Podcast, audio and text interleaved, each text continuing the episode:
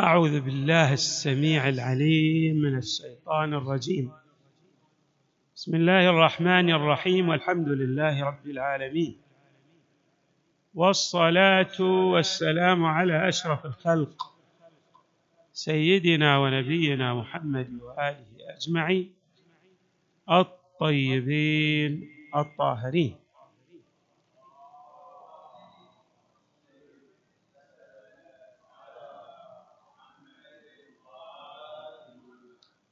قال الله تبارك وتعالى في القرآن الكريم فبما رحمة من الله لنت له. ولو كنت فظا غليظ القلب لانفضوا من حولك فاعف عنهم واستغفر لهم وشاورهم في الأمر. فإذا فإذا عزمت فتوكل على الله. إن الله يحب المتوكلين. آيات متعددة في القرآن الكريم تتحدث عن العفو والصفح وأهمية العفو والصفح في حياة الإنسان أي أن العفو والصفح يشكل بلسما لجراح الإنسان المتعدده وبمعنى آخر يشكل شفاء رائعا وجميلا لأمراض الإنسانية. ولهذا أولى القرآن الكريم والروايات الواردة عن النبي صلى الله عليه وآله هذه السجية والفضيلة العظيمة وهي العفو والصفح عن الناس اولاها عناية كبيرة. نذكر بعض الآيات القرآنية التي تتحدث عن ذلك. قال الله تعالى فاعفوا واصفحوا حتى يأتي الله بأمره. إن الله على كل شيء قدير. هنا يؤكد أمر من عند الله. أن الإنسان عليه أن يعفو وأن يصفح عن زلل الغير وعن العثرات التي يقع فيها. من يتعامل وإياه من الناس باعتبار أن الخطأ والزلل يكاد أن يكون طبيعة للإنسان لنقصه. وقصر نظره وعدم التفاته إلى مسألة الحياة الآخرة. يعني تركيز الإنسان دائما على مصالحه في الحياة الدنيا. ولهذا يربط جميع الأمور بالجنبه الماديه ويتناسى الجانب المعنوي الذي هو الجوهر الأساسي في شخصيته. أيضا الله تبارك وتعالى في آية أخرى يقول فاعف عنهم واصفح. إن الله يحب المحسنين أي أن أن هذه الخصلة وهي العفو والصفح هي من السمات والخصال الأساسية التي يحبها الله تبارك وتعالى أن تكون لدى الإنسان. ولهذا نجد أن يوسف الصديق عليه السلام ماذا كان يقول لإخوانه بعد تلك الآلام المريرة التي تلقاها في تعامله منهم ويكفي في بإلقائه في الجب؟ يعني كانوا يتعمدون قتله قتله. ولكن ماذا قال لهم؟ لا تثريب عليكم يغفر الله لكم. وهو أرحم الراحمين. يعني صفح عنه. ويطلب من الله لهم الغفران. ليس فقط الصفح بل يريد من عند الله أن يوصلهم إلى الكمال. هذه اذا سجية جد عظيمة. الله تبارك وتعالى يبين حيثية جميلة في بعض الآيات فيقول وما خلقنا السماوات والأرض وما بينهما إلا بالحق وأن الساعة لآتية فاصفح الصفح الجميل. الله هنا يبين يبين حيثية غاية في الجمال. لكون الساعة آتية حري بالإنسان أن يعفو عن أخيه الإنسان لأن وراء مستقبل عظيم. والعفو يشكل أعظم رأس مال للإنسان يلقاه عند الله تبارك وتعالى كما سنشير إلى ذلك. وقد ذكرت ذلك بعض الآيات القرآنية. أيضا الله تبارك وتعالى يقول وليعفوا وليصفحوا الا تحبون أن يغفر الله لكم؟ من يريد الغفران عن زلله والتجاوز عن عثراته والصفح عن سيئاته فحري به أن يعفو عمن ظلمه وأن يحسن عمن أساء إليه وأن يصل من قطعه كما في الروايات. اذا هذه بعض الآيات أو بعض من الآيات القرآنية التي تتحدث عن العفو والصفح نأتي إلى الروايات. الروايات ورد شيء كثير فيه المصطفى صلى الله عليه وآله والذي نحن في هذا اليوم نريد أن نتعلم هذا الدرس منه بمناسبة مولده الشريف. ماذا يقول صلى الله عليه وآله؟ يقول ألا أخبركم بخير خلائق الدنيا والآخرة؟ أفضل خليقة صفة يتصف بها الإنسان ما هي؟ قال العفو عمن ظلمك أن تعفو عن الظالمين لك. بعد يا رسول الله وتصل من قطعك والإحسان إلى من أساء إليك وإعطاء من حرمك الذي لا يعطيك حاول أن تعطيه أن تصله. بالخصوص إذا كان من أرحامك حاول أن كلما ازداد في الإساءة إليك زد في الإحسان اليه كما كان يفعل الأئمة من أهل البيت صلوات الله وسلامه عليهم أجمعين. وروايات في هذا الشأن كثيرة. انظروا إلى هذه الرواية الجميلة التي قلنا ستأتي الإشارة إلى معنى بعض الآيات القرآنية. النبي صلى الله عليه وآله يقول إذا أوقف الله العباد في يوم القيامة نادى مناد ليقم من كان من أجره على الله وليدخل الجنة. يعني ما في حساب. الله يجعل صفحة هذا الإنسان بيضاء كأنه لم يذنب ذنبا. يقول له خلاص أنت خلاص. سر في طريقك إلى جنات النعيم. لماذا يكون؟ قال وليدخل الجنة. قيل من ذا الذي أجره على الله؟ قال هم العافون عن الناس. الذي أجره على الله فمن عفا فأجره على الله.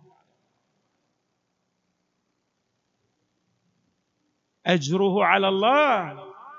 طيب الله إذا بيعطيك أجرا كم سيعادل هذا الأجر بالنسبة للعمل الذي أنت تقوم به.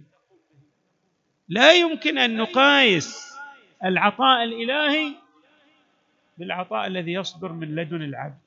يعني لا مقايسة. العطاء الإلهي لا يقاس لأنه صدر عن واسع الكرم عن عظيم الجود عن المنان المحسن. أيضا يقول صلى الله عليه وآله إذا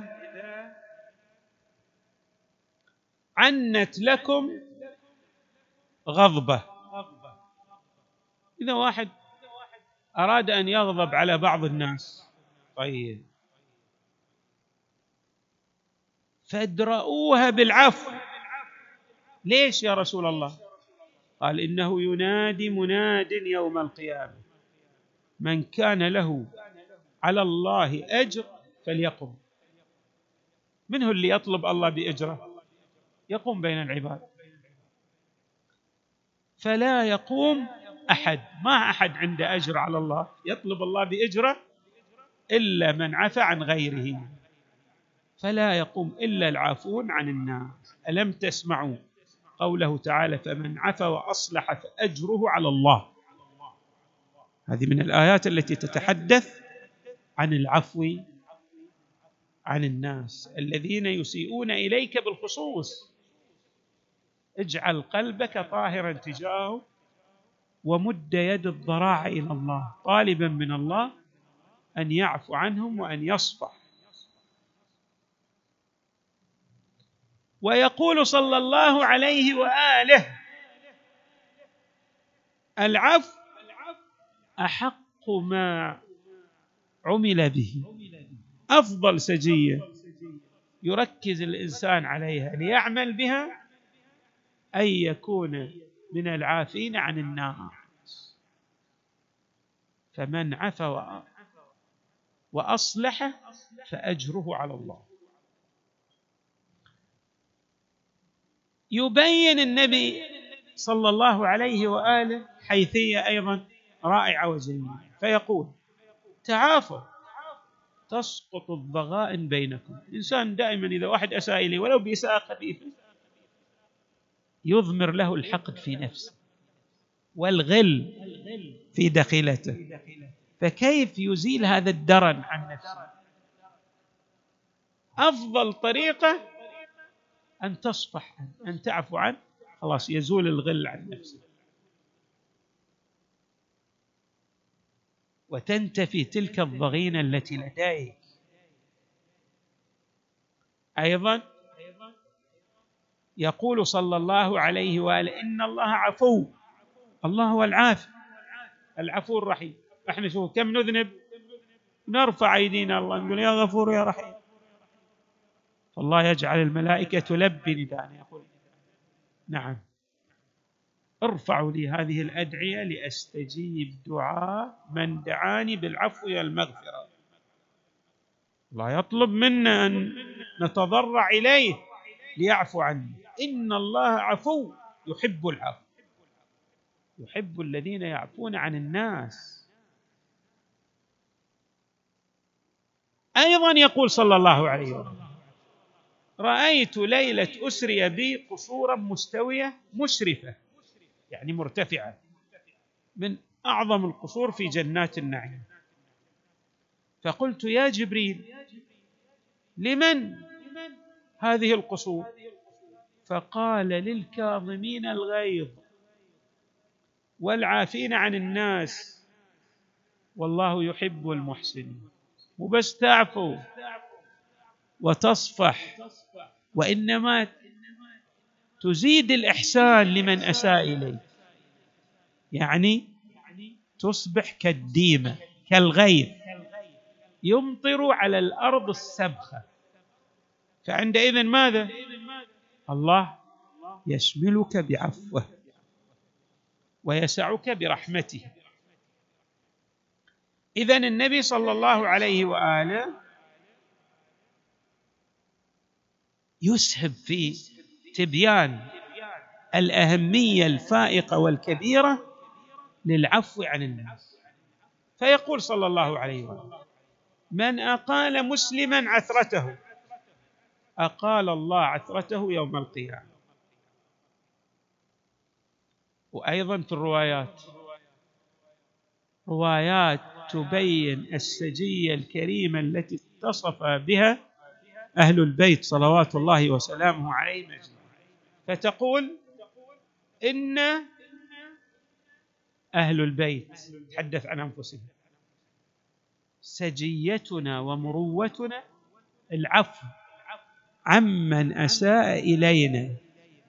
إحنا طبيعتنا شو نسوي؟ نعفو عن غيرنا. الروايات في هذا المجال كثيرة ومتعددة جدا. هناك مسألة أيضا جميلة. من أراد العزة من أراد أن يصبح عزيزا عليه أن يتصف بهذه السجية. يقول صلى الله عليه وآله العفو لا يزيد العبد إلا عزا. فاعفوا يعزكم الله.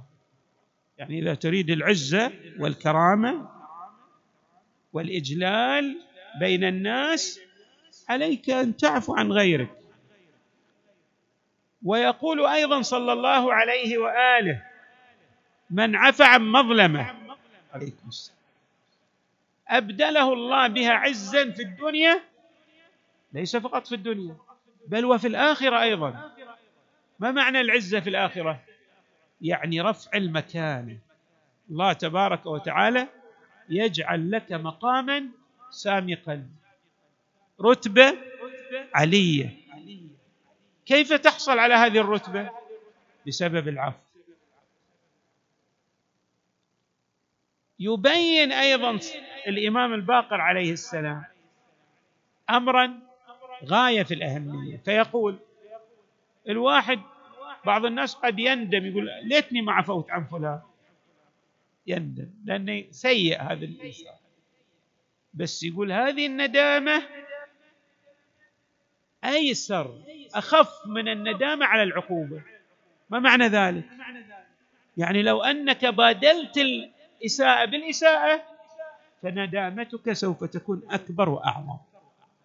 بينما لأنك بدلت الإساءة بالإحسان حتى لو ندمت على ذلك لأنك تقول هذا الشخص لا يستحق بحد تعبيراتنا لكن ذلك لن يضرك إلا برهة زمنية قليلة في الدنيا وستحصل على الأجر الجزيل والثواب الجميل في الآخرة.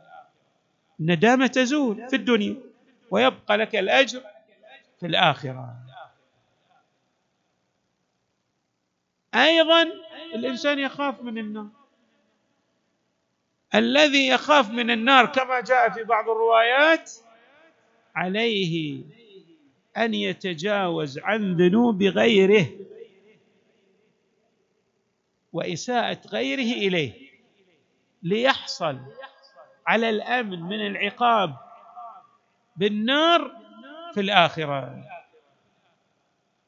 يقول الله يقول النبي صلى الله عليه وآله تجاوزوا عن ذنوب الناس يدفع الله عنكم بذلك عذاب النار. أيضا هناك خصيصه جميلة أشار إليها المصطفى صلى الله عليه وآله يقول فيها تجاوزوا عن عثرات الخاطئين يقيكم الله بذلك سوء الأقدار. سوء الأقدار ما معنى؟ الإنسان يصاب بحوادث بأمراض في الدنيا في نفسه وفي الأقربين إليه. يستطيع أن يتجاوز يتعدى. يضع حاجزا سميكا بينه وبين هذه الأقدار السيئة بواسطة العفو عن الناس عن المسيئين إليه. اذا العفو له أهمية وقد تجسد العفو في شخصية النبي صلى الله عليه وآله عن ألد أعدائه. نعرف لما فتح مكة فجاءه أعداؤه. خاطبهم. ما تظنون أني فاعل بكم. هم يعرفون شخصية النبي صلى الله عليه وسلم. قالوا أخ كريم وابن أخ كريم ماذا قال لهم؟